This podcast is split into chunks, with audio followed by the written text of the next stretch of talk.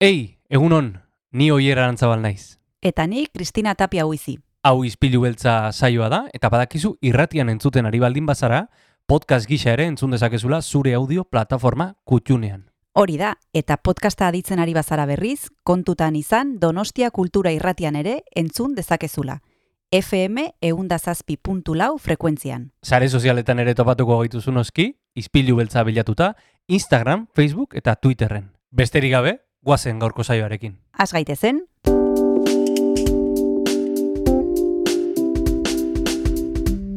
Ispilu beltza. Donostiako kulturaren berri, Oyer Arantzabal eta Kristina Tapia buizirekin. Egun honen zule, ostirala da, eta ostiraletan irreparre batekin hasi dugu, izpilu beltza, Donostia Kultura irratian.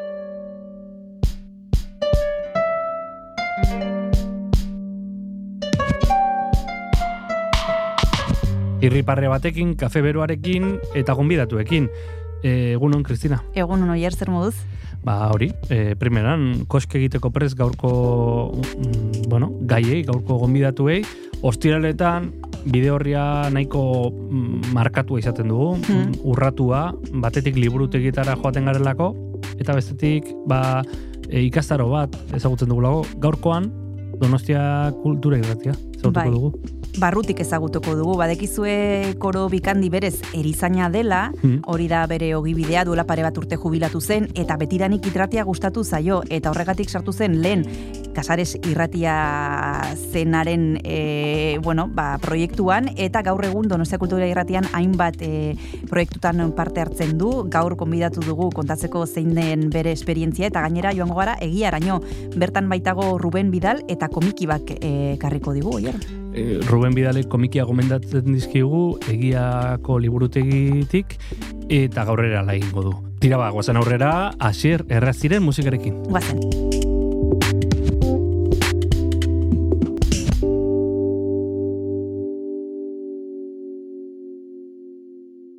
Kaixo entzule, zer moduz joan da astea. Tira azkenean iritsi da ostirala, eta badakizue gaurkoan ere musika izango dugula protagonista hemen, ispeiu beltza irratxa joan, eta hain zuzen, ba, gaurko ostiralari hasiera emateko, eh, kantu elektroniko berri eta indartsu bat entzuteko aukera izango dugu datozen minutuetan. Rigel taldeak duela egun gutxi plazaratutako sua kantu entzungo dugu.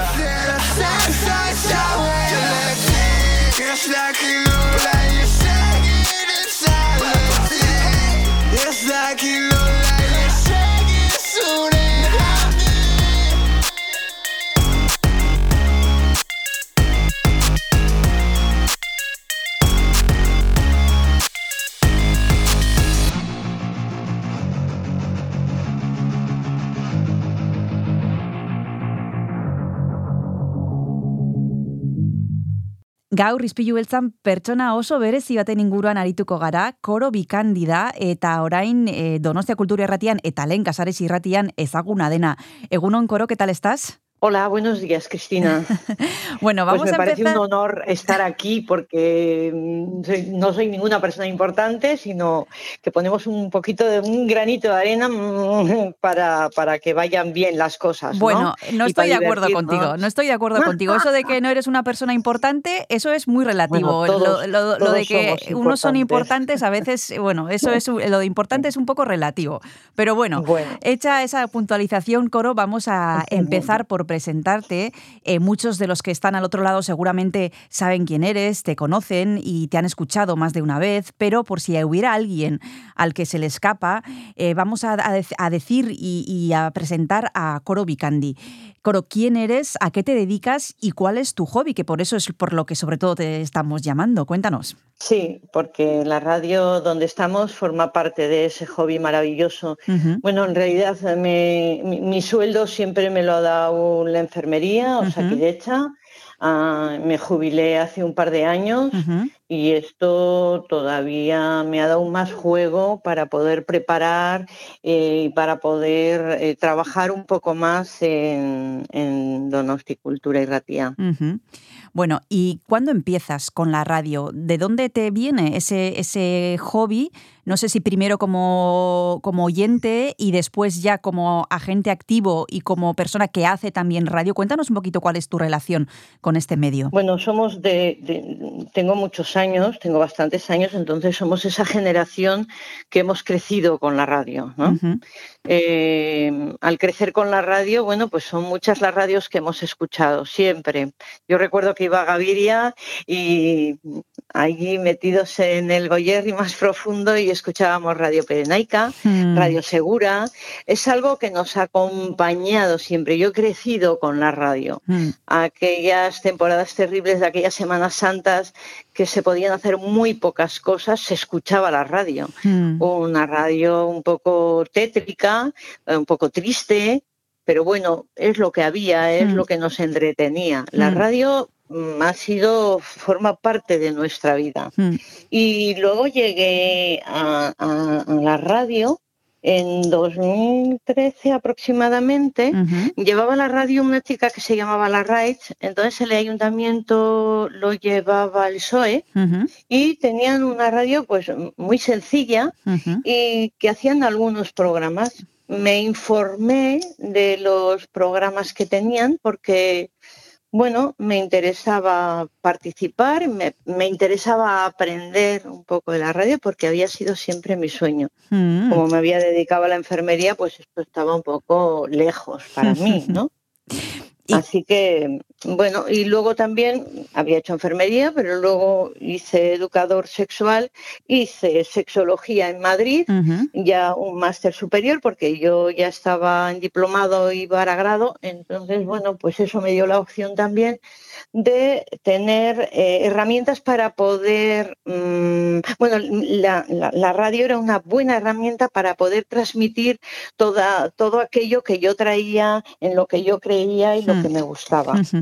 Cuando me citas eh, Radio Pirenaica y Radio Segura, me imagino una casa donde ya se escuchaba la radio, o sea, sino que cuando tú ya eras pequeñita, Sí. la radio ya estaba puesta, En mi- ¿no? Exactamente, aquí siempre estaba la radio puesta y luego cuando, cuando iba a Gaviria, que ahí teníamos unos amigos en el caserío, siempre estaba la radio puesta y había unas horas en las que, bueno, pues Radio Pirinaica eh, era nuestra, nuestra compañía, aquellas cosas que, que estaban eh, prohibidas y que, bueno, pues nos lanzábamos a escuchar aquella radio comunista que nos parecía una información, vamos, exquisita Mm. en, en- dentro de nuestra ignorancia, ¿no? Dentro Mm. de nuestra ignorancia, en Mm. aquellos años oscuros, unos años oscuros.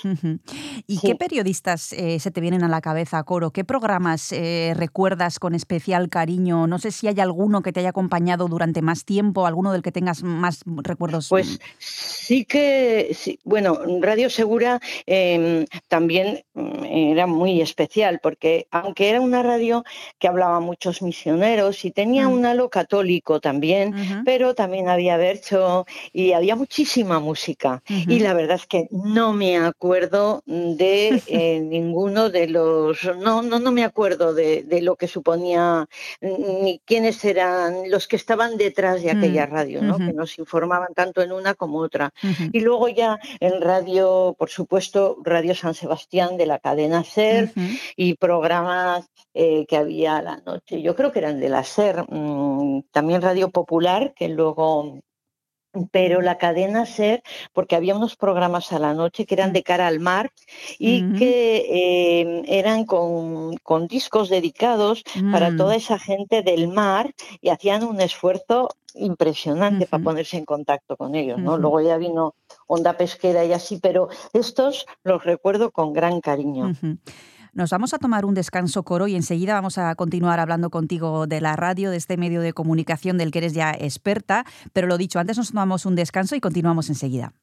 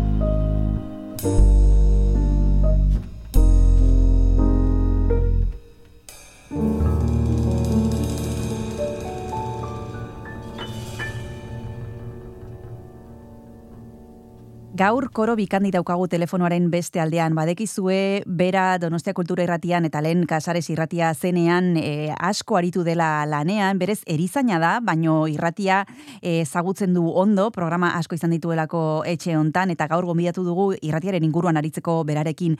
E, koro.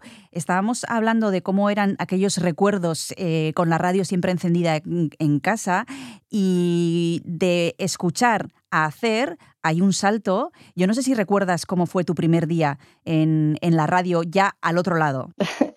Bueno, eh, para llegar hasta el otro lado, como te he dicho antes, la radio era una radio pequeñita. Yo Mm. me voy de un sitio a otro, igual no sigo tu- tu- tus preguntas. Sí, ¿eh? sí, sí, tú tranquila. Cristina. Sí.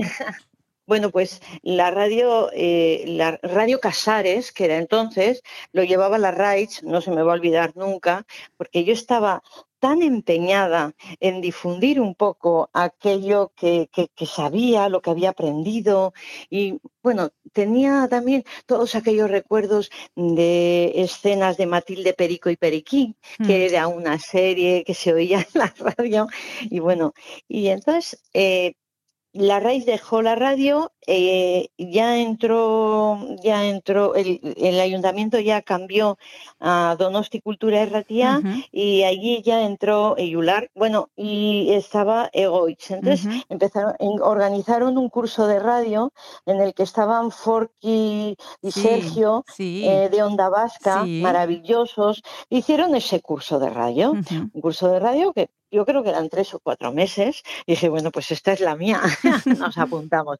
Y nos encontramos un grupo de gente más o menos de la misma edad. Oye, y todos, mm, todas estábamos, o todos, estábamos eh, de la misma manera, con esa ilusión de la radio anterior, de lo que habíamos escuchado, de los radioteatros, de las telenovelas, bueno, de todas estas cosas con las que habíamos crecido, ¿no? Mm. Y así fue. Eh, nos, nos metimos a ello con Sergio y con Forky. Fue divertidísimo el curso, aprendimos un montón y eso nos lanzó a, mm, hacer otro curso más con Inco Martín, Mm. con sus efectos especiales, el Mm. radioteatro. Ahí ya empezamos nosotros con, con hacer, bueno, or- organizó Vicent Ujú. un, un grupo de teatro que se llamaba Splendid Radio. Sí. Bueno, teníamos un rigor exhaustivo. Nos juntábamos, nos juntábamos todos en, daba igual, si en Radio Casares o en el Casino de Irún, nos daba igual, nos juntábamos todos, fue variopinto el grupo, era gente que se dedicaba al teatro también, y, y bueno, y allí con un rigor ensayábamos el radioteatro y participábamos y hacíamos unas obras preciosas y el director era Vicen. Mm, Por otra parte, Vicen Aramburu, ¿vai? no he dicho el apellido. Sí. Y, y por otra parte, pues yo empecé con el programa de, de- de pinceladas sexológicas Sí. eh, y Vicen también tenía otro programa maravilloso, Tan González, de, de, de Dango. En fin, nos fuimos un poco acoplando y haciendo nuestras cositas, nuestros pequeños programas, pues todos los que habíamos partido de esos grupos Mm. de, de teatro Mm. y de, de haber aprendido un poco y hacer esa incursión en la radio sin ser eh, ni periodistas ni nada de nada, claro. Bueno, sin ser periodistas, pero sí, pero sí, pero sí siendo expertos en una materia, Coro, de la que no se suele hablar hoy en día un poco más, pero entonces menos, y tú pusiste encima de la mesa eh, muchos temas que nos atañen a todos y que lo hacías desde una perspectiva totalmente profesional y de, y de experta en el tema, que eso también no sé qué acogida tuvo y cómo se lo tomaron los vecinos eh, que, que tuvieras un, un programa hablando de estas cosas. Sí, bueno, yo creo que, que- que las cosas estaban muy- mucho más templadas entonces que lo que está ahora, ¿no? Ajá. Ahora sí, mm, ahora la situación del pudor, de la crítica y todo esto de- con la sexología está en estos momentos un poco más complicada, fíjate, que aquellos años.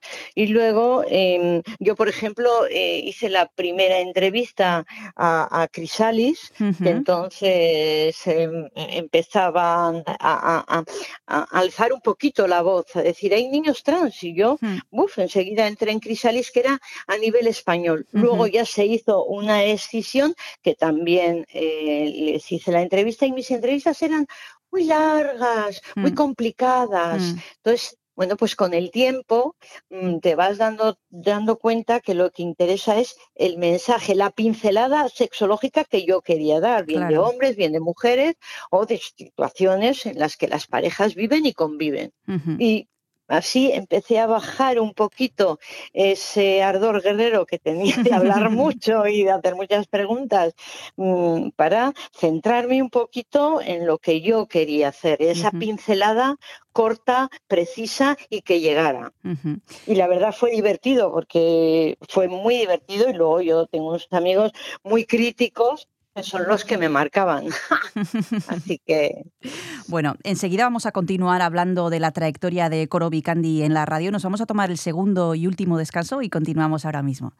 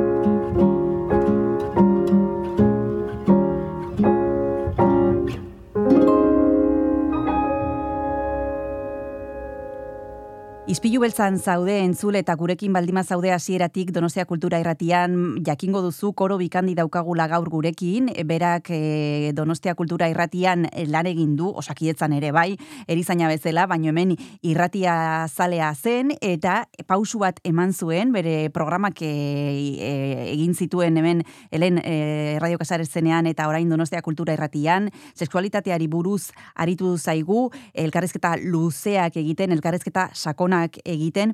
Cuando uno pasa de ser oyente a ser eh, periodista, coro, como tu caso, ¿cuáles son las, las, dificultades que tú no contabas que, que, había a la hora de, de, de, hacer un programa? No sé si te ha sorprendido pues el trabajo que lleva la producción, eh, que a veces fallan los invitados, que a veces, eh, no sé, ¿qué son esas cosas que desde fuera tú no, no, conocías o no controlabas tanto y que después una vez dentro has dicho, jo, pues esto no lo hubiera imaginado así? Bueno, primero decirte y aclarar que yo no tengo nada de periodista. No, Hago una incursión o sí, o sí, en o vuestro sí, mundo o sí, periodístico. o sí, o ojo, ¿eh? Hago una incursión, bueno, y me lo preparo y me lo...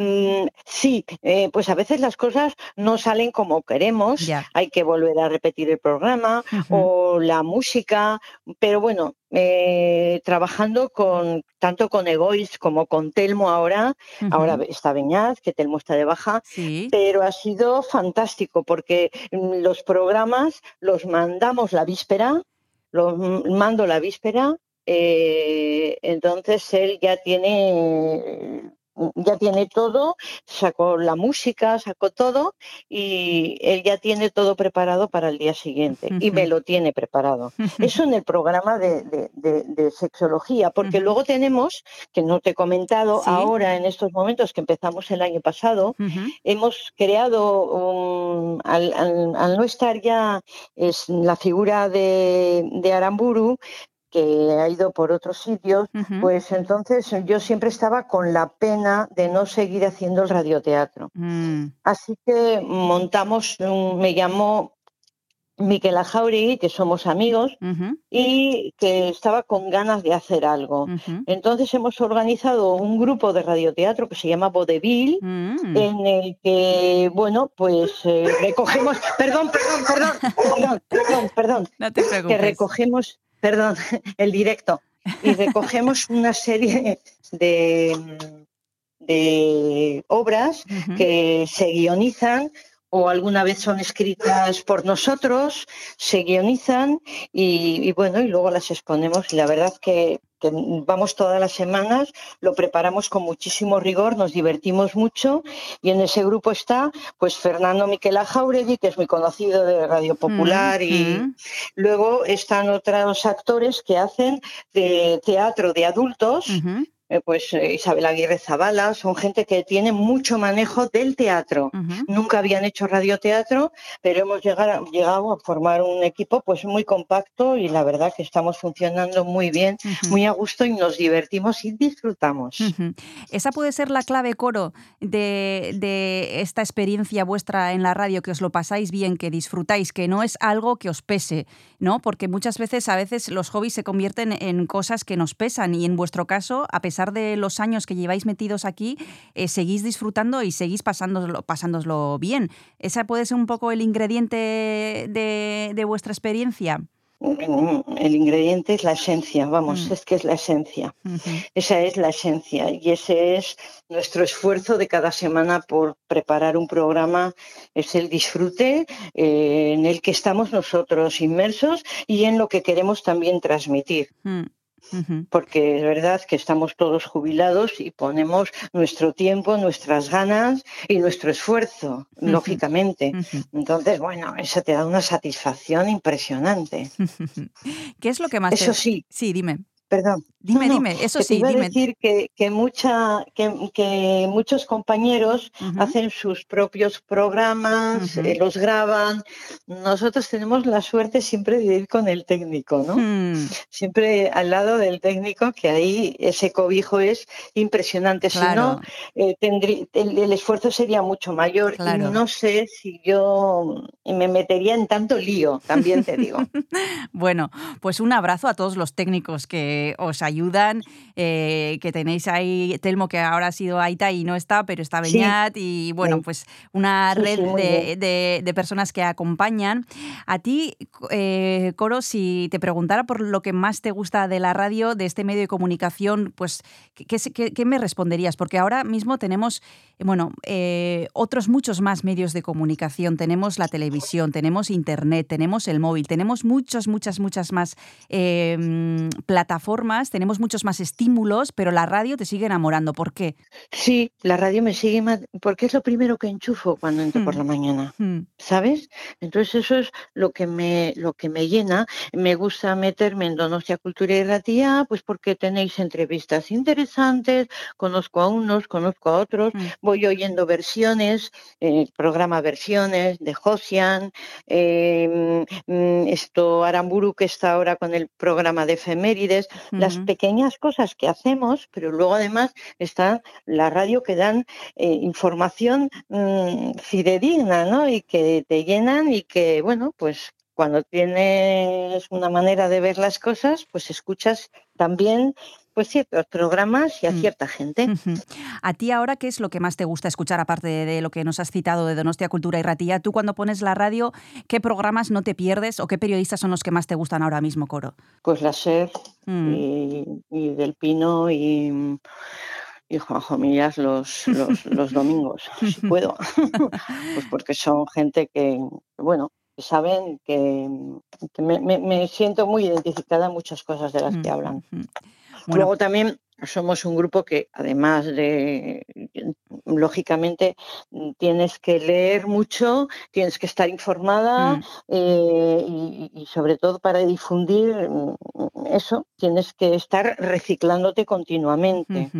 Cuando vamos a, mm, a preparar los cuentos eh, o preparar los relatos, has tenido que leer un montón de relatos, guionizarlos. Entonces, bueno, te da una amplitud cultural impresionante. Bueno, pues con estas recomendaciones y estos trabajos que hace Coro Vicandi junto al resto de los compañeros en Donostia Cultura y Ratía, dejamos a los oyentes. Si alguien todavía no ha escuchado eh, a Coro Vicandi en Donostia Cultura y Ratía, le recomendamos todas esas cosas que nos ha citado ella que hace. Ella y sus compañeros son de lo más interesante porque saben muchísimo, tienen muchísima experiencia y le agradecemos a Coro que se haya acercado a, a. Un abrazo muy fuerte, Coro, y hasta la próxima. Bueno, Cristina, a vosotros. Agur. Muchísimas gracias. ¿eh? Adiós, Cristina, gracias. Agur. Adiós.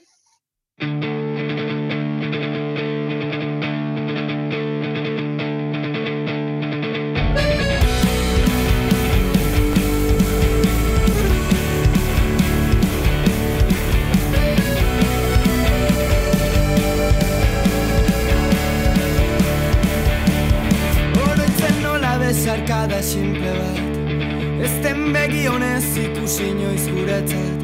Nola normaltasun berri horrek guri Ez zigun eragin. Nola zeinak beti izan duen aukera. Eraikitzeak aiolarik ederrena. Aldarria egin zion berdin ustezko askatasunari. Muxu trukirri barre bat orkampoa Lapurtzea bazen Ta hemen ordea musu bakoitza berdin Zeinen garestiden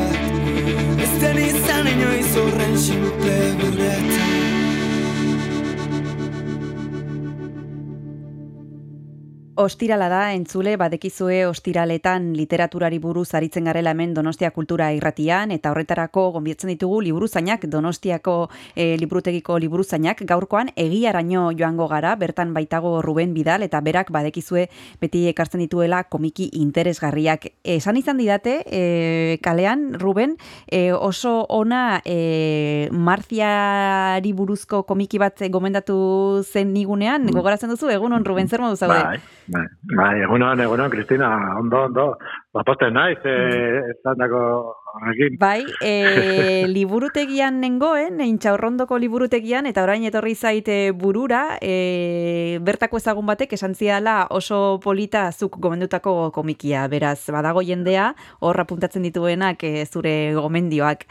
Gaurkoan, e, gaurkoan Ruben beste, beste liburu bat eh, ekarri behar duzu, Medea izena du, e, Nancy Peña ilustratzaileak eta Blandin Lekaiet e, autoreak egindakoa. Eta guazen beti bezala astera, e, bueno, e, jakitera zein den e, historia honen sinopsia. Bai, bueno, le, lehenik eta behin, badakizu, Kristina, eh, pelikula on bat ikusten dezunean, ez? Eta, baina ona, baina batez ere luzea danean eta hola, personaien iz- eh, bizitza kontatzen dituen noietako bat, ez? Adibidez, Mhm. adibidez pentsatzen, ba, Benur, edo lo que dito Mhm. se llevó, olako, Mhm. olakoak ez, bu- bukaeran esate dezula, joe, hace pelikula puska, Mhm. ke pelikulon, ez? Ba, gaurko komikia horrelako bat da. wow. Eh, Medea da ze komiki puska baita ere. Eh? Ostras. Hau ere luzea dalako ere bai, eh? Irureun da piko horrialde baino gehiago baditu. Eta, bueno, bai, ba- badauka, bueno, eh, gaia eh, miti, mitologikoa da. Bai. Medea, eh, ezagutuko duzue, akaso? Bada, pues hori, hartzinako Greziako mito ezagun bat, ez? Non, eh, medea emakumea, ba, bueno, hola, eh, hola bere episodio zentral bat da, be- bere semeak eh, hil egiten dituena, ez? Hola oso makabroa eta bat. Eta, bueno, ba, gai hori hartuta, bueno, ba, komikiak kontatzen du medearen historioa, bizitza, baina bere ikuspuntutik ikusita, ez? Mhm. Eta duen egiten duena da, ba, bizkat, eh, nolabait human, humanizatu, ez, personaia. Ez, azkenean gelditu zaigula medea, ba, oso, personai terriblea bezala, ez? E, ba, mendikuzalea eta, hola, oso, sinistroa. Mhm. Eta, bueno, ba, komikiak egiten duena bizkat, e, nolabait, e, arindu, ez? Eta, bueno, beste ikutu bat ematen dio. Mhm. Eta, bueno, ne, ne, pues, kontatu bet, no, no, no, nondik nolakoa, pizkat, eh, oso labur-labur, ez? Eh, historia Bai. oso luzea da. Bai, venga. Ordu, ba, medea, nonbait, zan, e, eetes erregeren alaba. Aha. Alaba bat, bueno, bat zituen seme alabazko, eta bitako bat, medea zan. Eta eetes errege hau, zan, kolkidako errege bat, eta kolki da, ba, dago, pues, hor, munduko beste puta, no? Eh, Georg, gaur egungo Georgia, uste dala. Mhm. Hori itxaso beltzeko kostaldean, no? Bai. begiratzen jardun eta hor, eh, Wikipedian eta bar. eta, bueno, ba, errege krudela eta bar, baina ba, aldi berean, zan, eh, oso, esan jakin min handikoa, eta na, nahi omen zuen, ba, ba, pixkat, eh, ba, bere jakintza edatu, eta, bueno, mundua hola ezagutu, eta, bueno, eta bide batez konkistatu, bueno. Eta, bueno, bere alabari, eh, erakusten dio, ba, hola, magiak akotzen artean, ez, hola, antzinako jakinduriak eta bar, ba, ba, hola, pozoiak egiteko, eta, bueno, hola, ez, eh, sorginkeri modukoak egiteko, nomait, helburua zen bere semea, ez, eh, bere seme zarrena, bueno, zarrena ez zen, baina, bueno, esan, eh, izan, erregea izango zana, ez, ba, hori sendatzeko, ez, da, bueno, ba, alaba bialtzen du, hori sendatzeko. Ba, bueno, hortik abiatuta, eh, nekatiko dana kontatzen, bueno, izut, oso luzea da. Alako batean ezagutuko du jason, ospetsu ere bai, jason Mm. eta argonautak, Bai. Hola, bere bidaia zetozela, eta hor kokidalde hortan azaldu, eta elkar ezagutuko dute, eta maiten du. Eta orduan, ba, jasonek era hartuko, bueno, e, medeak esango du, ba, ba, ni nahi zurekin eskondu, eta eta zurekin jungo naiz, eta zure resumara eramango, eramango nazu. Eta, ba, hortan gelitzen dira, eta alaxe jotzen dira, usten du bere eta, eta bat. Eta hor, txe, hasiko da, ja, itzaurre honen ondoren, hasiko da, ja, benetako aventura, beste Mm. erresuma batera bat, grezira, eta, han, bueno, ba, endoko ba, politika kontuak, e, ba, mendekuak, e, zakize bakize, eta, bueno, alako batean bere semeak e, hil egingo ditu, baina, bueno, ikusiko dezu ez, zergatik. Mhm. Irakurtzen badezu, eh, akaso jakingo duzuen mitoaren nondik norakoa. Mhm. Baina, bueno, Ikusiko dugu, e, norba, agian norbaitek ez daki zer, zergatik e, hiltzen dituen, ez, dako, ez duelako ezagutzen mitoa, ba, liteke norbaitek mitoa ezagutzea, hala ere gomendatzen dugu Medea, Nancy Peñak eta Blandin Lekaietek egindako liburua, oraintxe bertan jarraituko dugu komiki honen inguruan hitz egiten, Ruben, baino lehenbiziko tartetxo bat hartu behar dugu, egingo ditugu bi, hau izango da lehenbizikoa, eta horretarako badekizu abesti bat eskatu behar dizu dala, ze pentsatu duzu? Bueno, ba, ikusita ga- gaurko gaia, ba, da peplum, ez, edo Grezia eta, bueno, Grezia, antzinako Grezia eta dala, ba, bueno, Gladiator pelikularen soinu ganda eskatuko Mhm. ditut. Ederki bagoazen entzutera.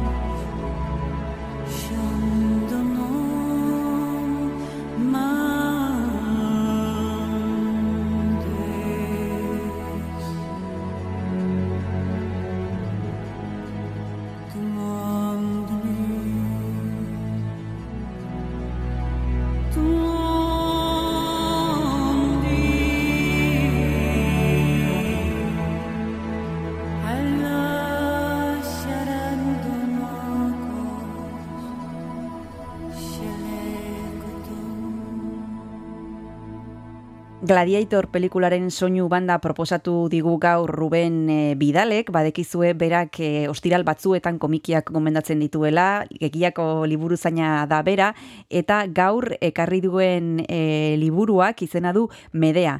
Nancy Peñak eta Blandin e, Lekaietek egindako liburua, mitoa ezagutzen baduzue, jakingo duzue nondik nora e, doan e, proposamenen, proposamen honen e, sinopsia, baina bestela e, Rubenek bada espada ez du gehiagi kontatuko.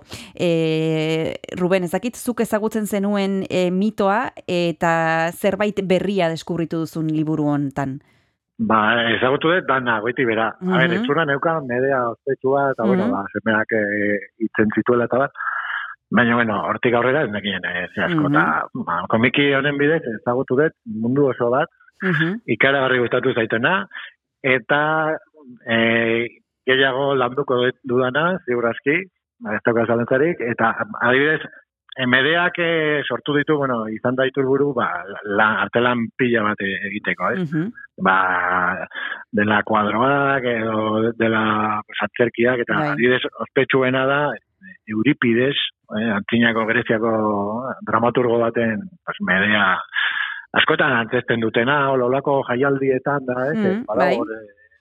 Eh, Espainien badago, ba, jaialdi, ba, klasikoa. Meridan, eh, bai. antzerki- Ba, olakoak, hor, eh, sarritan egiten dute, eta, bueno, Mhm.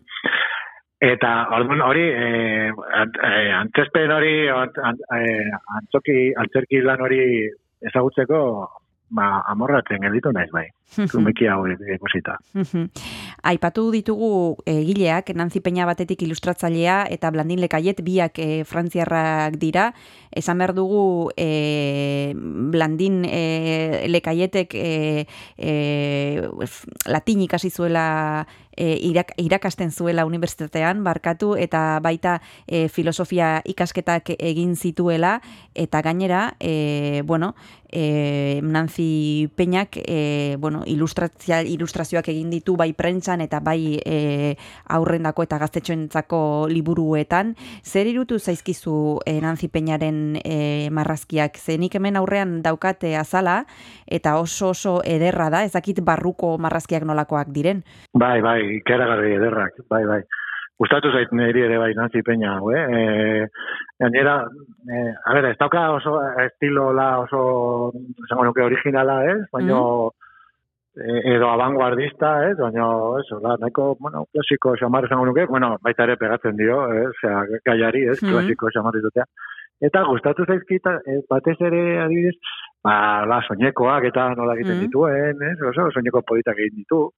Gero ere marrazten ditu ba, e, ba, jauregiak eta mm, hola, arkitektura egiten du ere oso sugerentea, ez? E, eramate zaitu garai hartara. Mhm. Eta hori, osea, gero mm, komikiak bukaeran dauzka bonus track bezala edo, ez, gehigarri batzuk, eta hor esplikatzen du, e, bueno, ba, nola egin zuten, nola izan zen prozesua, ez, e, komikia e, burutzekoa, eta esplikatzen du, bueno, ba, berak izan zuela, ba, libertade handia, pues, a ver, et, e, dokumentazio lanaren aldetik, bueno, ez, ez izan behar oso zehatza, pues, garai hortan, e, ba, zutabeak izan behar dute korintioak, Mm. mm. baina, ba. Ez ez, da, bera, bueno, bian artean, pues, e, pentsatu zuten, ba, ba, libertade handi, zuk e, imaginatu nahi dezuna, eta baina, beti ere, ba, pizkat lotuta, gaiari, noski.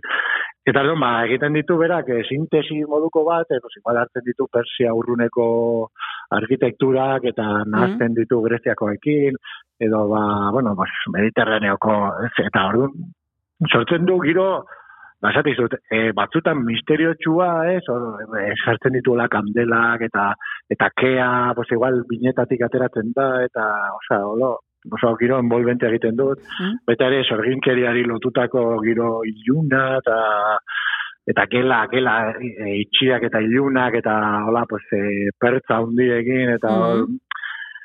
A ber, pixkate esageratzen nahi naiz, baina hola, hildo hortatik, ez? Mhm. e, gero, ba, hori, eta, eta gero, pues, hori, e, gero koloreak, a ber, e, koloreak, pues, oso menpekoak daude, pues, historiarekiko, ez? Bai. Eta, eta, ba, marziarena oain aipatu dezuna, hor koloreak totalmente libre zebiltzan, bere Bai, aldetik. bai. Zeukaten, ez? Hau, berriz, antolaketa aldetik oso oso klasikoa da. Ilunagoa igual, ala Bai, bai, hombre, eh, martiarekin alderatuta, keragarri ilunagoa, bai, Mhm. bestea zan, bueno, kolore esplosiva. mm, Baina, ez, ez, baina, baina oso, oso, oso dotorea, oso elegantea, Mhm. eta, eta oso ins- inspiratzailea. Mhm. eh, Eramate, eramate zaitu gara jartara, bai, oso, oso polita. Aipatu ditugu Nanzi Peñaren ilustrazioak medean, e, jarraian aipatuko ditugu testuak, blandin lekaieten e, testuak, baina bigarren tartetxo hartuko dugu Ruben, lehen e, gomendatu duzu gladiatorren e, soinu banda, eta tartetarako ze pentsatu duzu? Bueno, ba, esan bezala, medeak, ba, artelan asko inspiratu ditu, eta Mm. horietako bat, e, Mikiz Teodorakisek egindako opera bat. Eta bertan, medearen aria oso polita da, eh? eta oso e, impresionantea ere bai. Eh? Da aria horretan, ba, justo e, semeak hil behar dituen momentua da, eta, Mhm. ostras, impactantea. Bueno, ba, guazen entzutera.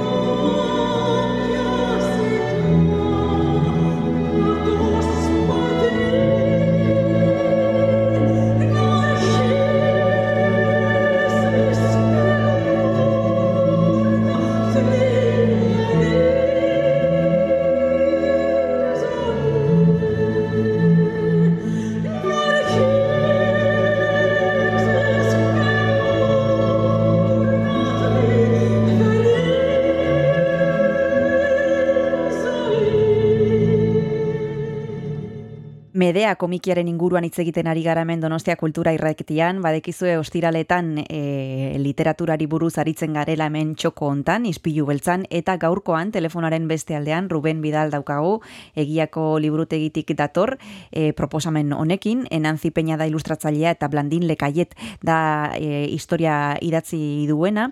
Aipatu ditugu Nanzi Peñaren marrazkiak, ilustrazioak e, oso eleganteak e, zirela esan duzu, eta orain e, blandin lekaieten e, testua. Esan behar dugu, liburuak e, irureun da hogei horrialde dituela, e, Ruben, eta ezakit nola dagoen idatzita, e, modu errex batean, ulertzeko erresa da, edo atentzioa handiz irakurritako e, liburua izango da.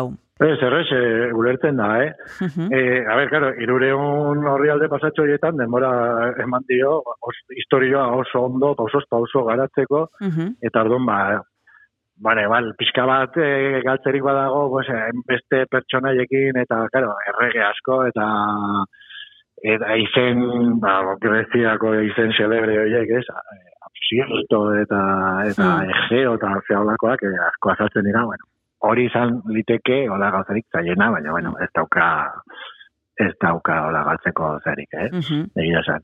Oso ondo idatzita dago, gidoia. Mhm. Oso ondo, primera. Mhm. E, naiz eta gido, naiz eta mitoa ez ezagutu, errex jarraituko dugu historia zure kasuan bezala, ezta? Bai, bai, bai, bai. Iz- Izan ere esango nuke oso pedagogikoa dela, Mhm. eh? Mitoan sartzeko eh, pasabide ezin hobea da komiki hau, eh? Mhm. Esate izun nik, honen bidez ezagutu dut mitoa, eta mendik aurrera, bueno, pues, Mhm. eh, ba, esploratuko ditut operak eta antzerkiak eta da- dauden guztiak. Mhm. Zein gomendatuko zenik e, komiki hau medea, zeinentzat izango litzateke?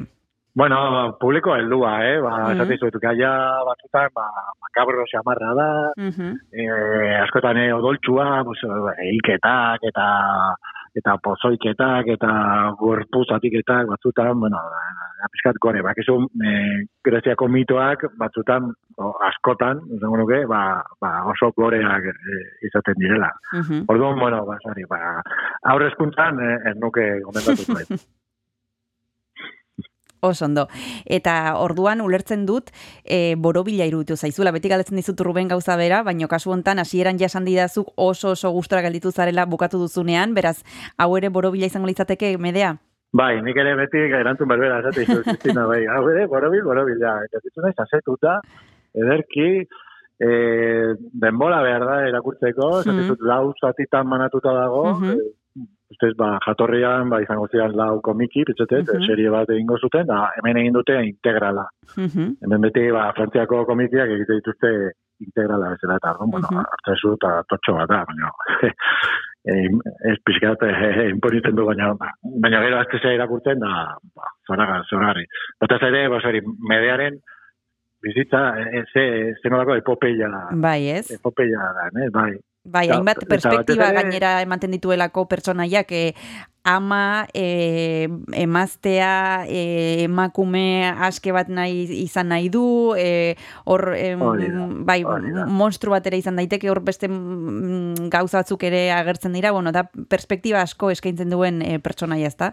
Bai, ba, oso irakurketa sakona, eh? eta ba, gizakia, giza arimarekin oso lotuta dagola, eta batez Mhm. ere emakume arimarekin, ez? Mm. Medea dugu pertsonaia eh, nahi duela askea izan, eta Mm. beren nortasun propio izan, eh? Mhm. Zerdun, ba, semeak hiltzen dituenean, ba, pixkat nire ustez da, eh, metafora bezala, eh, esan, esan ez bezala, ba, bera, libre izan nahi dula, Mm. ez, eh, ez daukala zeretan, eh, eta hori, hori da nire irakurketa, eh? Osea, osea, oso, ez, ez dut nahi justifikatu ez, eh? baina, eh, iketa hori, ba, kriston eh, bazakeria da, baina, baina eh, eh, egiten duela da, bos hori metafora pixkate, ba, Mm. bera, bera, bere libertadea, eta bere nortasuna, eta hori, ba, bere borroka, ba, mundu ez maskulino batean, eta oso machista, eta oso emakumea ma- menpean dagoen eh,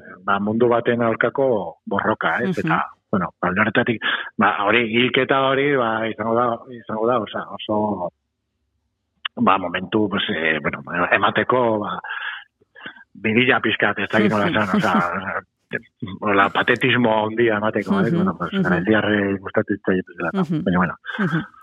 Bueno, ba, esan bezala, hau da ostiralontako gomendioa, medea, tengu edizionesen e, dagoena, baita donostiako liburutegietan ere, Nanzi Peñak eta Blandin e, lekaietek e, egindakoa, Ruben Bidalek ekarri duena. Eskerrik asko, Ruben Bidal beste behin urbiltzeagatik izpilu beltzara, eta horrengo arte bezarkada bat, mila esker.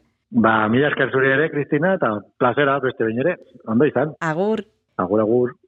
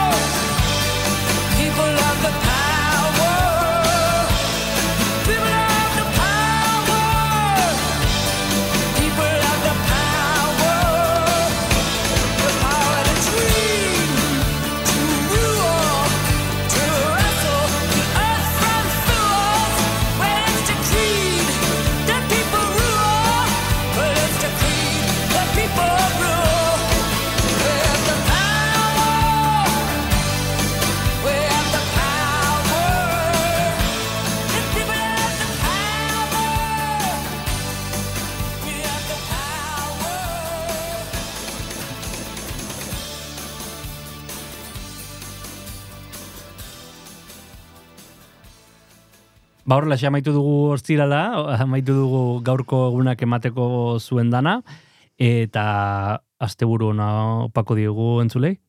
Asteburu ona eta bate, bide batez aprobetxatuko dugu iragartzeko zer izango dugun astelenean, oier. Bale, bale. Mikel Iturria batetik, berarekin errepasatuko dugu asteko agenda, eta bestetik jarraituko dugu Schubert eh, ezagutzen, badekizue zikloa antolatu dutela Donostia Kulturak eta Donostia Musikak, eta astelenean etorriko zaigu Rodrigo Fernandez, e, maiatzaren hogeita maikean kontzertua eskeniko dutelako berak eta bere taldeak antzoki izarrean, Mhm. beraz musika klasikoa izango dugu izpide, astelenean. Klasikoa datoz astelenean, bitartean zaindu, zeu eta zeure ingurukoak. Agur. Jo.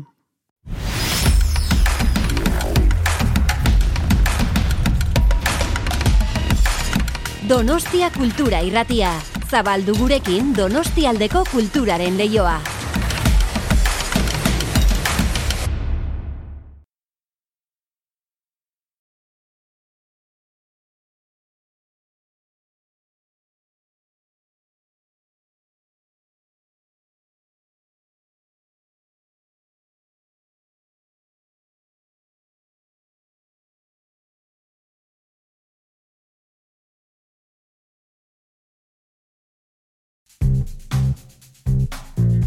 Kanta katilua. Kaixo entzule, ongi etorri kantakatilua talera.